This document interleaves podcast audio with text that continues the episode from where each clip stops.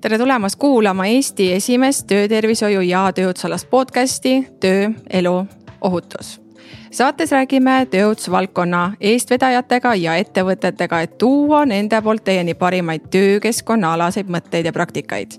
saate sponsor on Protect Estonia, saatejuhiks Kristi Õeorg. kui saade sind kõnetab, jaga seda ka teistega tere, head kuulajad. Kristi Õeorg taas siinpool podcast'ist Tööelu ohutus ja täna on meil külla kutsutud äärmiselt suurt eeskuju andev Semjon, kes tuleb siis Ericsson Eestist. tere, Semjon. tere. Semjon, räägi, kuidas sina oled ohutusvaldkonnaga üleüldse varasemalt seotud olnud ja mis, mis sa teed täna? Mm, kui alustada hästi kaugelt, siis äh, hiljuti selgus, et minu vanaisa tegeles töökeskkonna ohutusega. Mm, ma teadsin, et minu isa tegeles sellega ka. ja siis mina tegelen sellega kümme pluss aastat. et äh, algas kõik sellest, et ma alustasin tööd ettevõttes Crystal Sol. ja ettevõte oli väike, noor, startup, oli vaja leida inimest, kes äh, tegeles, tegeleks töökeskkonna küsimustega, ohutusega ja siis, kes paneks paika kõik need protokollid, süsteemid ja et sellega korrektselt alustada, oli vaja ennast koolitada. tööinspektsioon korraldas vanasti ja kindlasti praegu ka korraldab töökeskkonna spetsialisti koolitusi ning sinna ma registreerisin, seda koolitust läbisin ja alustasin siis oma tegevust. kümme aastat töötasin Crystalsolis ja suurem saavutus oli see, kui oli hea töökeskkonna valimised. siis aastast kaks tuhat viis, viisteist oleme saanud mm, eeskujulik töökeskkond väikeste ettevõtete seas. ja kaks tuhat üheksateist aasta täitsa kogemata nägin huvitava kuulutuse, et Ericsson otsib töökeskkonna spetsialisti, täpsemalt töökeskkonna inseneri. kandideerisin ja sain sisse. ja siis äh, viimane aasta olen töötanud Ericssonis. kevade saabudes, kui tuli koroona, tekkis selline olukord, et eelmine tööohutusjuht vahetas töökohta ning äh, mulle pakuti sellist põnevat väljakutset juhtida töökeskkonda ja kõige põnevamaks tegi seda ka koroonaaeg. et äh, see on niisugune lühike teekond no vot, väga huvitav, muuseas ähm, esimest korda istun koos inimesega, kellel on tõeliselt lausa sugupuu võtmes olemas tööohutuskogemus, et. Äh, et see juba näitab, et ka läbi aegade on tööohutus väga-väga nii-öelda tähtsal kohal aga nüüd, kus sa meenutad, et sa oled tegelikult äh, ikkagi väga palju aastaid ohutusega tegelenud. miks sina pead üldse tööohutust tähtsaks? Mm, ma arvan, et see on eelkõige kasvatus ja natuke vanaaegne kasvatus, et vaata ette, pane tähele, mis sa teed, mõtle ette. ja minul tuleb see loomulikult, aga mida ma olen aastate jooksul märganud, mõned inimesed isegi ei mõtle sellest.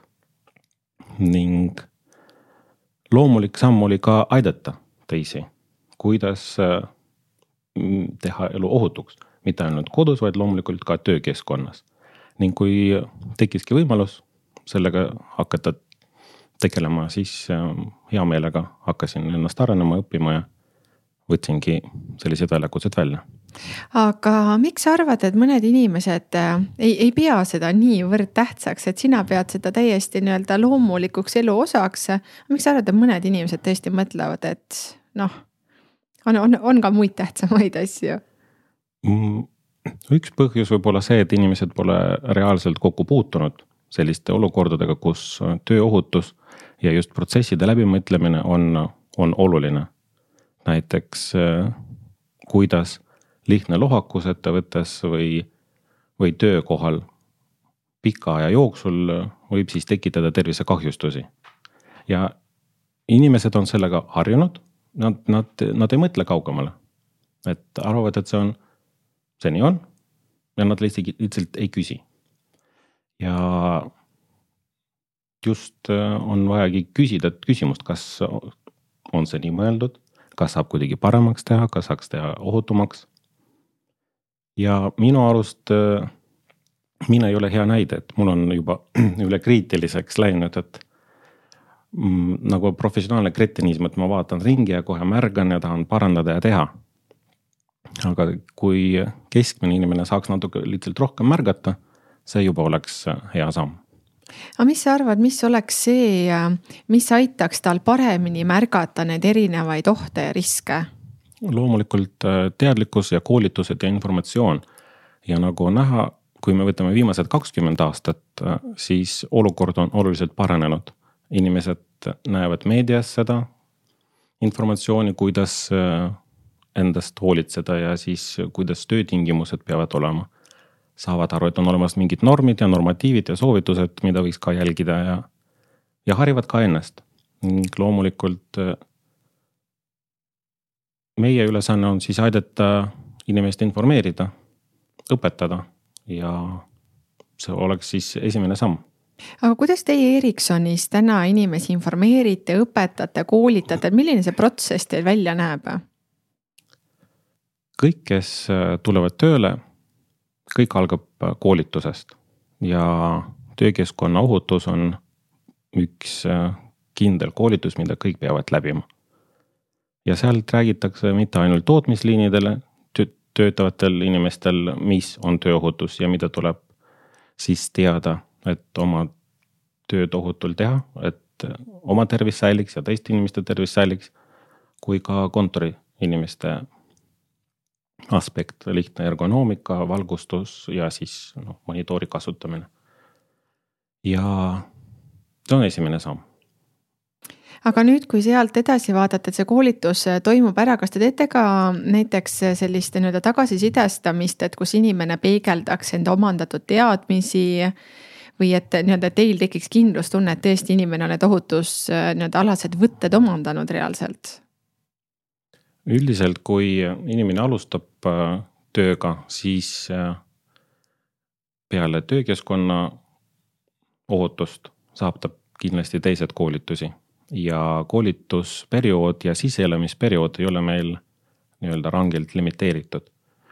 ja to toimubki pidev vestlus inimesega, on olemas ka treenerite kollektiiv, kes äh, teda pidevalt, koolitajate siis, koolitajate kollektiiv, kes äh, teda koolitavad. Ja toimubki niisugune pendel tagasiside, kui inimene midagi ei tea, midagi tal ei tule välja, siis ta pöördub koolitaja poole või meie poole ja siis vastame talle, juhendame ja töötabki kinnise protsessina, et tagasiside on väga-väga oluline ja on no, suur osa meie, meie siis igapäevasest elust.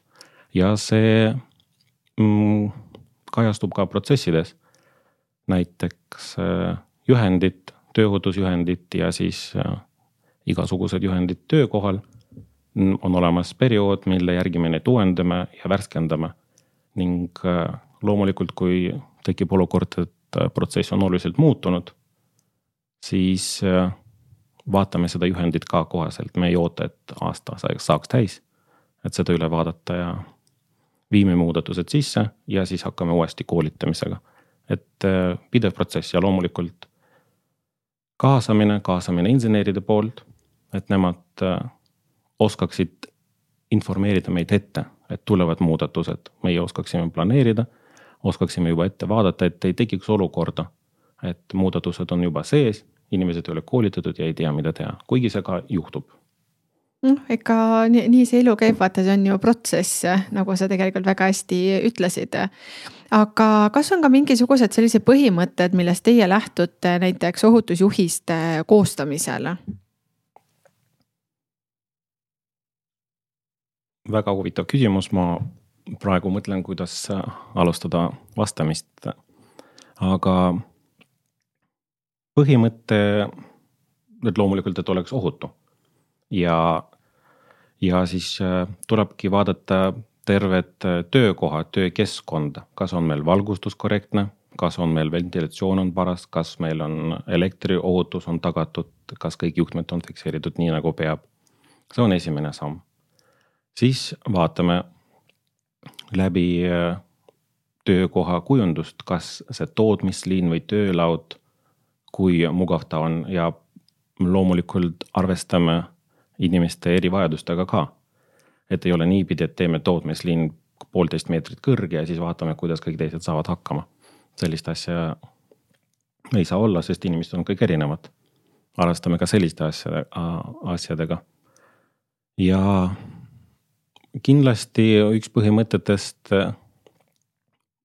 natuke mõelda ja valida, mida me teeme, et ei tekiks olukorda, kus lihtsal protsessil on meil lisaprožektorid või lisavalguskardinad või ülemõeldud asi, et peab ikka olema mõistlik, kui kindla protsessi või kindla töö tegemiseks selliseid asju või selliseid äh, ohte, mis, mis võivad inimest siis äh, kahjustada, ette ei tule, siis äh, loomulikult me sellega arvestame, informeerime, koolitame ja võtame meetmed, kuid üle mõistuse kindlasti ei tasu seda teha mm. -hmm. ehk et äh, ohutusjuhiste koostamisel te lähtutegi protsessist, keskkonnast ja vaatate kogu seda nii-öelda tööorgaanikat, et ta oleks inimese jaoks siis nii-öelda lihtne ja mõtestatud, eks.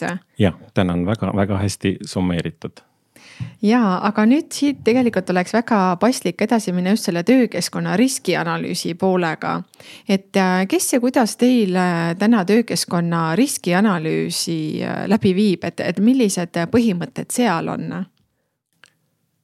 Mm. no tuleb alustada sellest, et äh, sina isiklikult oled ka aidanud Ericssonit varasematel aastatel ja äh, start on väga, väga hea olnud. Ja üldiselt me ei vaata tervet ettevõtet, mitte, et me ei tee tervele ettevõttele riskianalüüsi, see on loomulikult ka tehtud. vaid me teeme riskianalüüsi ka osakonnade kaupa. hindame ohutegurid meil on teada, millised meil on ohutegurid on olemas ning äh, kaardistame reaalselt, mis võib juhtuda, kas, äh, kasvõi äh, inimese asend tööliinil. kui pikalt ta peab seisma, kas tal on piisavalt pausi, kas on piisavalt valgustust ja loomulikult töökemikaalidega on väga oluline ning põhimõtteliselt, kui meil on teada, mis ohud võivad esineda, me proovimegi neid kaardistama. ja protsess on üldiselt jooksev ja e-, elus protsess. nagu ma mainisin juhendite puhul, kui tuleb muudatus, põhjalik muudatus, siis me teeme ka muudatuse riskianalüüsis. ning ma mainisin, et meil on terve ettevõtte riskianalüüs on olemas, kuid ettevõte koosneb palju üksustes ja palju erinevates tootmisliinides, kus reaalsed riskid ei kordu. et ühes kohas on teised teises kohas äh, on jällegi omad, omad riskid. ja vaatame neid eraldi, teeme erinevate ühi-, ettevõtte osade jaoks oma, isegi kui üksus on kõigest kümme inimest, siis neil on ka olemas oma riskianalüüsis, nende töö on väga teistsugune teistest. ja protsess, äh, nagu ma mainisin, on pikk, miks ta on pikk, siis me reaalselt oleme kohal, me istume ja vaatame ja osaleme ja küsitleme. ja selle vestluse ajal on kaasatud mitte ainult selle osakonna juhid, vaid ka inimesed, me loomulikult ei saa ilma vestluseta hakkama. räägime inimestega ja, ja räägime juhiga ju,, juhi juuresolekul. vestlus peab olema avatud, läbipaistev, et me teaks, kuidas me saame olukorda parandada. et äh, populaarne sõna on opportunity või on võimalused, et me vaatame ka võimalusi, kuidas saaks tööd ja töökeskkonda muuta või mida on vaja muuta, et ei oleks vaja isikukaitsevahendeid pidevalt kanda, kas saaks protsessi nii ümber töötada? no seda on küll ikka väga tore kuulda, et see on ikka selline kohe praktikas äh, toimiv õpiku näide, kuidas tegelikult peaks kogu see lugu tõesti äh, käima. aga Semjon, mis sa arvad, kui näiteks äh, tööandja kuskil mõnes teises ettevõttes otsustab, et ah, ta teeb riskianalüüsi kuidagimoodi ära, mis sa arvad, miks see on halb mõte, miks ikkagi tuleb teha üks korralik riskianalüüs, nagu teie teete? väga hea küsimus ja mm, miks ei tohi lihtsalt võtta copy paste kuskil internetis või võtta musternäide, et noh, siin on meil riskid, meil on suht sarnane ja sellest piisab. et üldiselt riskid on erinevad, on omapärased ja kui mingi täiesti kriitiline asi jääb märkamatult, mis äh, viibki olukorda, kus inimene on kahjustatud, siis see on kulu tööandjale, see on inimese tervis on rikutud ja siis on protsess ka peatatud loomulikult. ja riskianalüüsi abiga saaks äh, seda kõik välistada mm. -hmm aitäh, et väga-väga õiged ja head mõtted. siit nüüd vaadates riskianalüüsi teemast edasi on järgmine hästi praktiline teema, mis aitab väga palju tegelikult ennetada tööõnnetusi, on ka sisekontroll. mismoodi on teil näiteks üles ehitatud või milline on sinu, sinu nii-öelda pikki aastaid pidi nii-öelda kogunenud kogemus sisekontrolli osas, et, et kuidas sa oled seda varasemalt läbi viinud. kuidas te täna seda Ericssonis teete, et kuidas sinule see sisekontrolli maailm tundub? Mm, sisekontroll meil on korraldatud niipidi, et on olemas lausa siseauditid. et kui tuleb see ISO nelikümmend viis tuhat üks audit, me teeme praegu just jooksvalt siseauditi, et vaatame, kas me reaalselt vastame, enne kui me kutsume päris auditeerijat majja. ja näiteks äh, lihtne näide sisekontrollis, et äh, ühes tootmisüksuses kord kuus lähme tootmisele ja põhimõtteliselt äh, viime, lihtsalt käime terve, kõik nurgad läbi, vaatame, kas kõik vastab nõuetele, kas kõik on korras, kas kõik on korrektne, kas äkki on tolmu liiga palju või juhtmed lahti. paneme kõik kirja, informeerime isikuid, kes on sellega seotud ning anname kuu aega siis olukorda lahendada ja kui on mõne kriitilisem mm, asi tuleb välja, siis loomulikult kutsume spetsialisti kohaselt ja kõige hullemas olukorras, kui sisekontrolli ajal mm, avastatud rikkumine on nii tõsine, siis on production stop on ka, on võimalus. kuigi seda on väga vähe rakendatud. ja täpselt nii, kui igakuiselt toimub selline mm, plaaniline sisekontroll, see aitab äh, vältida olukordi, kui tuleb või juhtub midagi ootamatult. ja loomulikult äh, igapäevased visiidid tootmisele nagu ma mainisin, meil on olemas tööohutusgrupp, et ma ei ole üksi. ja keegi meist kindlasti kord päevas käib tootmises ja vaatab ringi, mis toimub. Ja üks nii-öelda kõrvaltahk nüüd sisekontrolli juures on ka kindlasti ohuolukorrad et, et üks on nüüd nii-öelda see komponent, et spetsialistid ise käivad tootmises ja märkavad enda silmaga. aga kuivõrd ja kui tihti ja, ja kui meelsasti töötajad ise annavad teada nendest nii-öelda erinevatest ohukohtadest töökeskkonnas? ma oleks peaaegu unustanud, aitäh, see on väga hea meeldetuletus meil on olemas Kaizen süsteem, kus on tootmishallides on olemas postkastid ja paberilipikud ja pastakad kõrval. ja kui inimene reaalselt näeb midagi mis ei ole kriitiline, aga mida võiks paremaks teha. näiteks kuskil on tuuletõmbus või valgustust on vähe näiteks, võib ka selline olukord juhtuda. siis äh, me saame sellest teada läbi noh, otse, otseliini töötaja käest. ja teine variant, et ta ütleb oma juhile, et äh, tal ei ole mugav, tal ei ole piisavalt valgus, juht, pöördu meie poole ja ma võin öelda, et reageerimisaeg oli meil kakskümmend neli tundi praegu. kõik need pöördumised, mis äh, töökeskkonnaga on seotud, on lahendatud kas samal päeval või siis järgmisel päeval, et neil on prioriteet. kõik on informeeritud, kuidas süsteem peaks toimima ja kõik oskavad seda süsteemi ka kasutada räägime korra sellest Kaizen süsteemist lähemalt, et äh, kindlasti siin paljudel kuulajatel ka on, on põhjust enda just nende ohuolukordade süsteemi parendada. et, et kuidas see täpselt on üles ehitatud, on postkastid, on lipikud, mis infot inimesed lipiku peale annavad ja kui tihti näiteks te seda postkasti tühjendate? postkasti vaatame kindlasti kord nädalas vähemalt, mõnikord tihedamini, kui keegi satub ringi liikuda ja süsteem on üles ehitatud niipidi, et võib tulla mitte ainult töökeskkonna ettepanekutega, vaid ka protsessiga seotud ettepanekutega. ning kui ettepanek on vastu võetud, on ka, no võib öelda vaevatasu. ja kui on täiesti korralik protsessi muudatus, siis vaevatasu ka on oluliselt ka kõrgem. ja viimane näide, näide näiteks, mis, mis on see selline lihtne, kus ma ei räägi ärisaladustest tõmbekang. kahe tootmishalli vahel on väike koridor ja seal oli meil tõmbekank, mida inimesed väga meelsasti kasutavad, et selga sirgutada. ja kuna mina seda ei kasuta, ma kasutasin teises, teises kohas tõmbekangi. Pole ma osanudki hinnata, ripub seina peal, paistab, et on korrektne. aga tuligi Kaizen, et pange tähele, kruvid on lahti, kangi, tõmbekang on vildu, et siis loomulikult on hoopis valed lihased saavad pinget ja kui sa vildu seda teed, siis on üldse hea.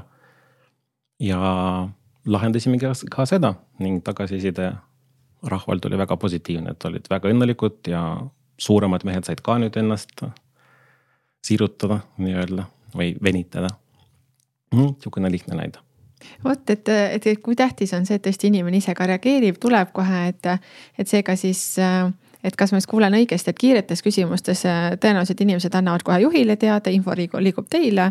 ja siis postkastis on võib-olla sellised asjad, mis võib-olla sutsukene aitavad oodata. aga et, et kiirete asjade puhul ikka toimub kohene reaktsioon. ja väga, väga õige äh, tähelepanek, et jah, just nimelt, et kui on midagi kriitilist. see on näiteks tuuletõmbus, et äh, sellest informeerib äh, inimene juhti ja juht võtab kohe meiega ühendust. ja inimesed olid väga imestunud, äh, kui ma tulin mõõteseadmetega esimest korda aasta alguses. ja hakkasingi mõõtma, kas on turbulents, mis on mugavusindeks ja kust puhub ja kuidas puhub ja. ja asi, asi töötab, kui enne seda kaebust tuli näiteks, et meil on siin liiga palav ja meil on siin puhub tuul. nüüd reaalselt meil on mõõtmised taga. Kas tootmishalli temperatuur on kõikunud, kas siin on reaalselt selline tuuletõmbus, mis võib äh, inimest kahjustada? Ning on ka selliseid kohti tuvastatud, kus reaalselt oli tuletõmbus ning äh, võtsime meetmed kohe mm, suht järgmisel päeval mm. -hmm, väga hea, et, et nüüd me oleme rääkinudki riskianalüüs, kus on toodud riskid, sisekontroll, kus äh, saab spetsialist pilgu peale heita ja kogu olukordade teavitamisest. et justkui äh, loogiline ja nüüd nii-öelda siis see halb punkt on siis need tööõnnetused ja kutsehaigused, eks. et, et äh, kuidas sul on tunne, et, et mis on need peamised põhjused, et juhul kui juhtub tööõnnetusi, et mis on need peamised põhjused, kui te olete neid analüüsinud lõpuks? Üks äh, põhjustest on tähelepanematus ja siis protseduuride eiramine. ja see on kõige raskem asi, millega siis äh, tööd teha. mõned, äh, ma ei, ma ei saa öelda, et tahtlikult ignoreerivad. aga võib ka olukord juhtuda, et, et, et tahtlikultki ignoreerivad ohutusreegleid, kõnnivad sealt, kus ei tasu kõndida, kus ei tohi kõndida. ei kasuta esma kaitsevahendeid, näiteks ei kasuta kiivrit, kus reaalselt on kiivrit, oli vaja kasutada. ja ei saa öelda, et nad ei ole sellest teavitatud, sest nad on teavitatud, nad on koolitatud, nad on oma allkirja ka andnud, et nad on reaalselt teavad, et siin on näiteks ohtlik kemikaal. või äh, siin võib pead vigastada, et kanna kaitsekiivrit. ja põhjendavad sellega, et ah, see kanda kaitsemaski ei ole mugav, see on lühiajaline protsess. ja siin tulebki jutt äh, individuaalseks juba, et siis me kutsume need järelkoolitusele või vestlusele, kus selgitame, et tööelu on pikk. see ei ole nii, et sa täna paar aastat töötad Ericssonis ja kuskil töötad mujal, et kui sa reaalselt hingad endale mingit mürgist kemikaali, mis on ebatõenäoline Ericssonis muidu, aga äh, siis see ei pruugi koheselt kajastuda sinu tervises. ja probleemid võivad tekkida alles hiljem, viie-kümme aasta pärast täpselt äh, selline teadlikkus inimestel ka puudub. Nad ei, äh, ei vaata ette tulevikku. Nad arvavad, nüüd varsti on pintsil ja siis saan diivanil istuda, et äh, ei, asi nii ei tööta see on tõesti väga huvitav, et tõesti inimene mõtleb, et ah, siit ma saan kuidagi natukene lihtsamini, selle jätan tegemata, arvestamata sellega, et see võib kaasa tuua olukorra, kus sa homme ja ka järgmine nädal ja järgmine kuu ja võib-olla terve aasta ei saa tööl käia. ja siis sa oled haigusrahaga kodus, kes maksab laste koolid, trennid, elukaaslane peab topelt äh, toimetama, et see on tegelikult tohutu suur vastutus tõesti, et inimene ise ka võtab enda tervisest vastutuse, kui teie tööandjana olete tohutult äh, tegelikult panustanud, pingutanud et, et ainult sellest ju ei piisa, eks, et inimene peab tulema ka ikkagi poolele teele vastu, et see nii-öelda mõlemad osapooled saaksid õnnestuda. Absoluutselt olen nõus ja sellest edasi rääkides on tähtis panna tähele ka koostööpartnereid, kes töötavad ka meie juures. ja probleem oligi ühe koostööpartneriga, kus üks meeskond tehes tööd kõrgustel lihtsalt ei tahtnud kiivri kanda, ütles, et no mis ma kannan. ja see on kõige viimasem asi peale kõike seletustööd, mida saab teha, et on juba hirmutamine. ja sa küsidki sellist küsimust, kui sa praegu torgad endale siin kaela või pea läbi selle terava kangiga, mis on kõrgel lae all, kuidas sa siis koju lähed, mis sa oma naisele ja lastele ütled ja see, see aitab. siis inimene oli kiivriga, oli kiivriga kogu ülejäänud aeg. mitte ainult selleks, kui ma käisin kontrollimas või keegi teine käis kontrollimas, et kui tal reaalselt äh, tekkiski küsimus tõesti, mis võib juhtuda jah, et samas kui mõelda, kui kurb, et peab nii kaugele minema, et inimene varem ise ei tule selle peale, et. et tal on isiklik vastutus enda tervise eest, oma perekonna eest, tegelikult ka oma lähedaste eest. et, et peab sellise nii-öelda tõesti elusurma küsimusega siis lõpuks äh, minema sinna aga nüüd, kui räägime tõesti inimestega rääkimisest, suhtlemisest, siis meil on töökeskkondades olemas sellised toredad inimesed nagu töökeskkonna volinikud mida teil Ericssonis teevad töökeskkonna volinikud, mis on nende roll? kuna meil on ähm, suur ettevõte, siis meil on ka päris palju töökeskkonna volinikke, et meil on täpselt kolmkümmend kaheksa inimest. ja nemad on meie silmad ettevõttes. üldiselt töökeskkonna volinikud on valitud omade seast. rahvas usaldab neid ja julgeb nende poole pöörduda, kui nad tihtipeale ei julge otseselt minuga rääkida, ma ei tea, miks, ma olen väga avatud inimene siis nad oskavad ja julgevad vestelda oma kolleegiga, kes on parasjagu ka töökeskkonna volinik ja siis informatsioon jõuab ka kohaselt ka meieni. ja et kuna ettevõte meil on tõesti suur, siis me kolmekesi ei jõua lihtsalt igale poole. ja töökeskkonna volinikud on väga, väga olulised ettevõttes. ja nendega, kui rääkida pikemalt, enne koroonat meil olid kord kvartalis korralikud äh, istungid, kus olid kutsutud tootmisjuhid ja meeskonnaliidrid. kuid ka kõik töökeskkonna volinikud ja me arutlesime, mida, mis on meil tõesti suured probleemid, äh, mida näiteks me oleme lahendatud eelmise kvartali jooksul, mida me näeme, mis vajaks tähelepanu. ja süsteem töötabki väga hästi, et üks asi, mida mina isiklikult natuke taga igatsen, on just äh, face to face nii-öelda silmast silma vestlus töökeskkonna volinikuga, ühekaupa ma saan nendega küll rääkida. aga sellist palavat arutelu Teamsi kaudu on üsna keeruliseks, keeruliseks teha.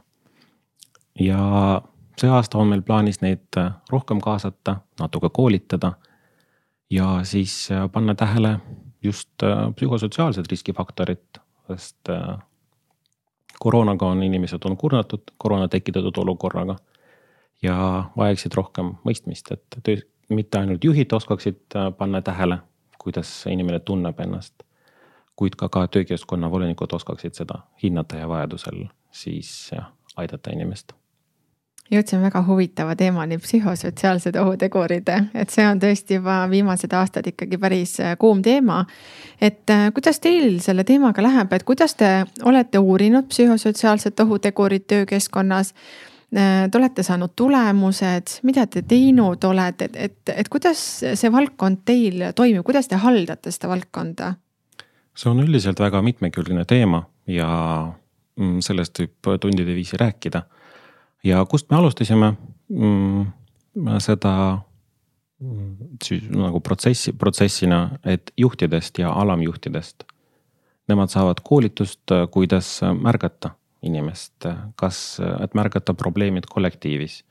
olgu see kas keele baasil või siis ülekurnatus või mingid sisemised konfliktid. ja et inimesed julgeksid ka sellest avalikult ja vabamalt rääkida. see on veel äh, selline aspekt meie ühiskonnas, mida meil on veel kõike mm, vaja juurde õppida. aga need koolitused äh, oli esimene samm ja juhid oskavadki kuulata, mis on kõige tähtsam, oskavad kuulata oma inimest ja oskavad ka, ka küsida. on sul kõik hästi, on sul mõne, mõne probleem, mitte ainult, et kas sa tahad sellest rääkida, vaid nad märkavadki, et on, on mingi probleem ja inimesed julgevad sellest rääkida. samuti meil on olemas ka psühholoogi abi ja see on kättesaadav kõikidele. ja inimesed seda kasutavad ka väga hea meelega. et kui on sul tõesti tõsisem mure, mitte ainult tööga, vaid eraelus, sa saad pöörduda ja sa saad abi ka kõiges kolmes keeles, professionaalset abi vot see on tegelikult tohutult äh, tähtis tahk, et tõesti kõikides keeltes ja ka see nii-öelda eraeluline aspekt on juures. just sellepärast, et me ju teame seda, et kui kodus on halvasti, on ka tööl halvasti tihtipeale ja kui on kodus hästi, siis on ka ju kindlasti hästi äh, tööl.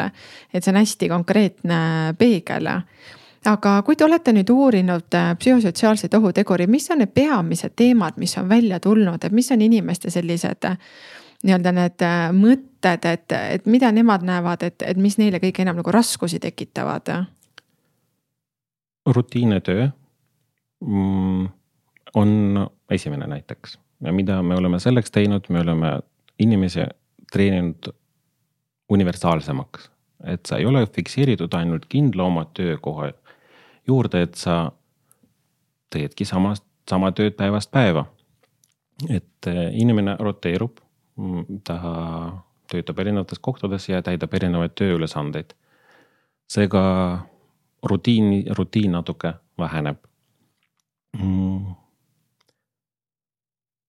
läbipõlemised on äh, juhtidele, on olulised ning ka läbipõlemised ka tavalistele inimestele.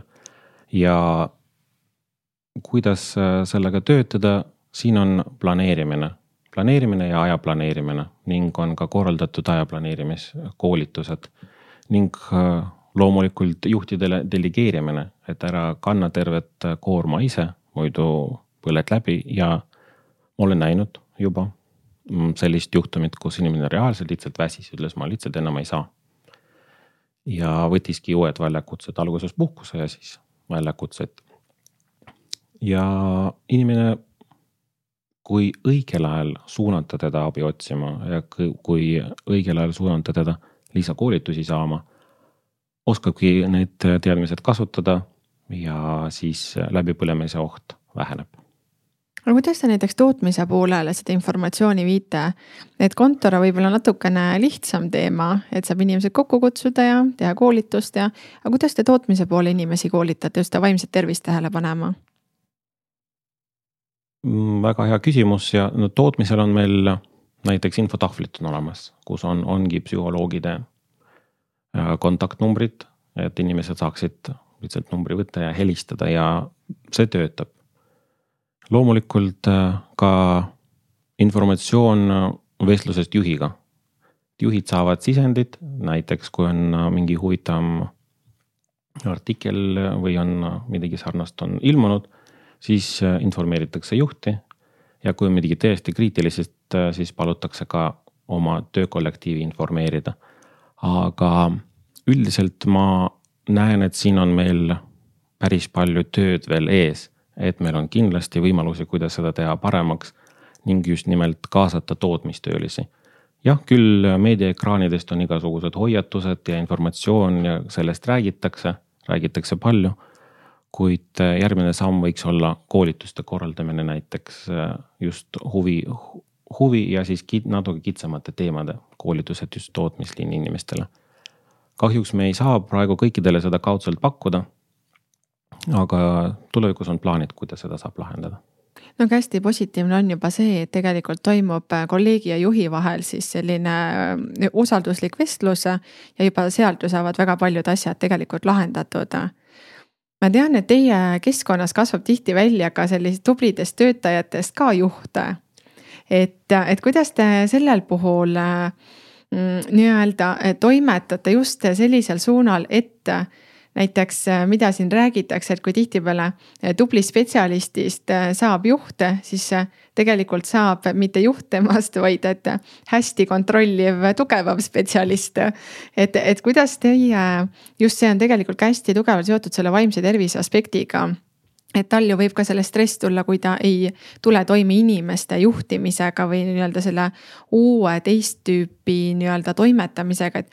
et kuidas teie aitate siis nii-öelda inimesed spetsialistist juhiks? selleks on olemas erinevad koolitused ja mina isiklikult olen ka sellist koolitust läbinud. ja üks osa koolitusest, äh, terve päev, just räägitakse vestlusest, psühhosotsiaalsetest aspektidest, kuidas äh, eelkõige võtta informatsiooni vastu, mis sulle sinu alluvad äh, edastavad ning kuidas seda neile tagasi kommunikeerida. ja on äh, olemas väga palju positiivseid näiteid, kus reaalselt koolituse käigus ühel noorel juhel kollektiiv, kus on kümme inimest, olid sisekonfliktid. ja ta ei teadnud, mida teha, koolitusel sai juhtnööri, et proovi ühekaupa alustada vestlemist, proovi rääkida mis või, mis tõesti südames neil on. kas võib-olla alluvatel on vaja natuke tööprofiili vahetada. ja, ja see toimis ja kollektiiv äh, saigi vabaneda sellest, äh, kuidas öelda, ebamugavast vaikusest, kui inimesed ei usaldanud üht-teist. ja väga hea tähelepanek, äh, et päris palju juhte tõesti meil on kasvanud kõige lihtsast liinitöötajast, et aastate jooksul sa võtad endale uue kohustuse juurde, juurde ja juurde ja saadki, saadki juhiks. ja positiivne asi on see, et inimesed ikka näevad sinus oma vana sõbrad, vana tuttavad ja nad usaldavad sind just selles mõttes, et sa oled kõik see kogenud. sa reaalselt juhina tead, mida tuleb teha. sa ei ole niisama, et ahah, nüüd tehke niipidi ja sa enam ei aita, vaid sa reaalselt saad käsitsi ka aidata.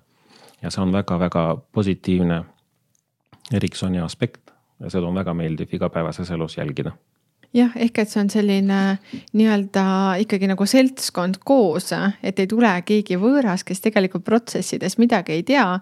vaid et ongi oma inimene, kes siis mõistab, tunnetab, saab aru, oskab õpetada, et kõik need nii-öelda sellist head turvatunnet tekitavad aspektid on siis olemas sellega. ja see on, see on mm, kindlasti ka väljakutse uutele juhtidele, kes tulevad väljaspoolt ettevõtet. siis algusest need võetakse vastu üsna külmalt ja siin on juba sõltub päris palju juhi vestlusoskusest. kuidas ta saab ennast inimestele lähedamaks tuua. ja hea juht saab sellega hakkama, on äh, head äh, näidet ka sellest olemas, kus tuleb uus inimene väljaspoolt Ericssoni ja siis on äh, meeskonna hing mõne aastaga seda on väga tore kuulda. aga Simeon, räägi, mis on sinu jaoks olnud läbi aegade üks selliseid nagu suurimaid töökeskkonnaalaseid väljakutseid? ja midagi sellist, kus sa tunned, et oh, vot see on selline paras purakas mägi ees, et, et kuidas nüüd sellest mäest üle ronida, lõpuks ronisid üle ära ja, ja saidki tulemuse, kuhu sa tahtsid jõuda? Mm, ma arvan, see on üks suur mägi, kuhu ma kogu aeg ronin ja ma tipu vist kunagi ei saavuta. See on äh, see, mis ma, mis ma mainisin juba varasemalt, et äh, inimfaktor. miks, kuidas ma saan inimesele selgeks teha, et äh, juhtnöörid, juhendid ja see ohutus on eelkõige tema enda huvides. et kuidas tema saaks oma tervist säästa või siis mitte üle koormata või kasutada korrektselt töövõtteid. milleks on meil, ma vist kümme lehekülge pikk tõstmisjuhend, kuidas käsitsi raskusi tõsta ta on lugenud läbi, ta teab, aga ta ikka teeb valesti. ta ei kasuta vaakumgripperit ja tirib käsitsi, kuigi kõik töövahendid on olemas. ja kui sa tuled temaga rääkida, kas sa tead, kas sa vajad abi, kuidas ma saan sulle veel seda paremaks seletada? ei, ma kõik tean, no mul on natuke kiire. aga miks sul on kiire, kas on, lõunapausil oli kiire? sellised asjad ja ma võtan neid siiamaani südamesse tegelikult ja nad natuke kurvastavad mind aga natuke selles mõttes, ma, ma ei anna alla, ma kordan ennast, kaasan inimesi, proovin olla hea eeskuju ja just teha seda positiivses võttes. eesmärk ei ole karistada või karjuda või. tähtis on säilitada enesekontrolli ja proovida positiivselt, positiivses mõttes, kuidas ma saan sind aidata, et kuidas sulle see selgeks teha. ja see töötab ka nii tore on sellise, tahaks, tahaks kohe diplomeid kirjutada, et nii, nii õige suhtumine aga räägi, mida sina ütleksid äh, tööandjatele, et, et nii-öelda see tööohutus või juhtimisalane sõnum just nii-öelda selle töötervise töötuse valdkonna suhtes, mida sina ütleksid äh, tööandjatele? kõige tähtsam on strateegia ja protsess, et peab aru saama, et tööohutus ei ole lihtsalt, saime riskianalüüsi tehtud ja siis äh, asi klaar. see on pikk protsess, see on igavesti kestev protsess ja tööandja ei, ei pea selle peale kokku hoidma, tihtipeale see investeering või panus on oluliselt kordades väiksem, kui juhtub õnnetus võrreldes selle, nende kuludega. ja minu soovitus tööandjatele, koolitage töökeskkonna spetsialisti oma inimeste seas, see ei pea olema täistöökohaga positsioon nagu Ericssonis. aga näiteks Crystalsolis oli see mul väike osa koormusega kus reaalselt mina teadsin, mida ma teen ja ma hea meelega aitasin teisi ka inimesi. vaadake ringi, kui on väike kollektiiv, vaadake inimest, kes on huvitatud selles ja siis proovige teda kaasata. aga mida sa ütleksid töötajatele? töötajatele ma ütleks, et ütleksin nii, et pange tähele, mis toimub teie ümber. kui teie igapäevases töös tundub, et on midagi valesti, arvatavasti on midagi valesti kas valgust on vähe ja sa kisitad silmi või siis äh, kontoritöötajana sul taburet mitte tööl, mitte töö, korralik töötool või siis äh, valgustus näiteks. pane tähele ja julge pöörduda oma juhtide poole. ja proovige selle juures säilitada positiivsust, ärge tulge kohe solvununa, et teid ei märgata, et see tihtipeale ei pruugi teid väga kergesti märgata ja tihtipeale ka juhid ei jõua ka selle peale mõelda. aga tulebki positiivselt pöörduda, küsida nõu, küsida abi ja võtta seda väikest sammu, võtta seda julgust. just, märgata ja siis tegutseda. väga ilusad lõpusõnad. aitäh, Semjon, et sa tulid, tõesti märkame ja tegutseme, aitäh sulle. märkame, tegutseme, kuulame, aitäh. aitäh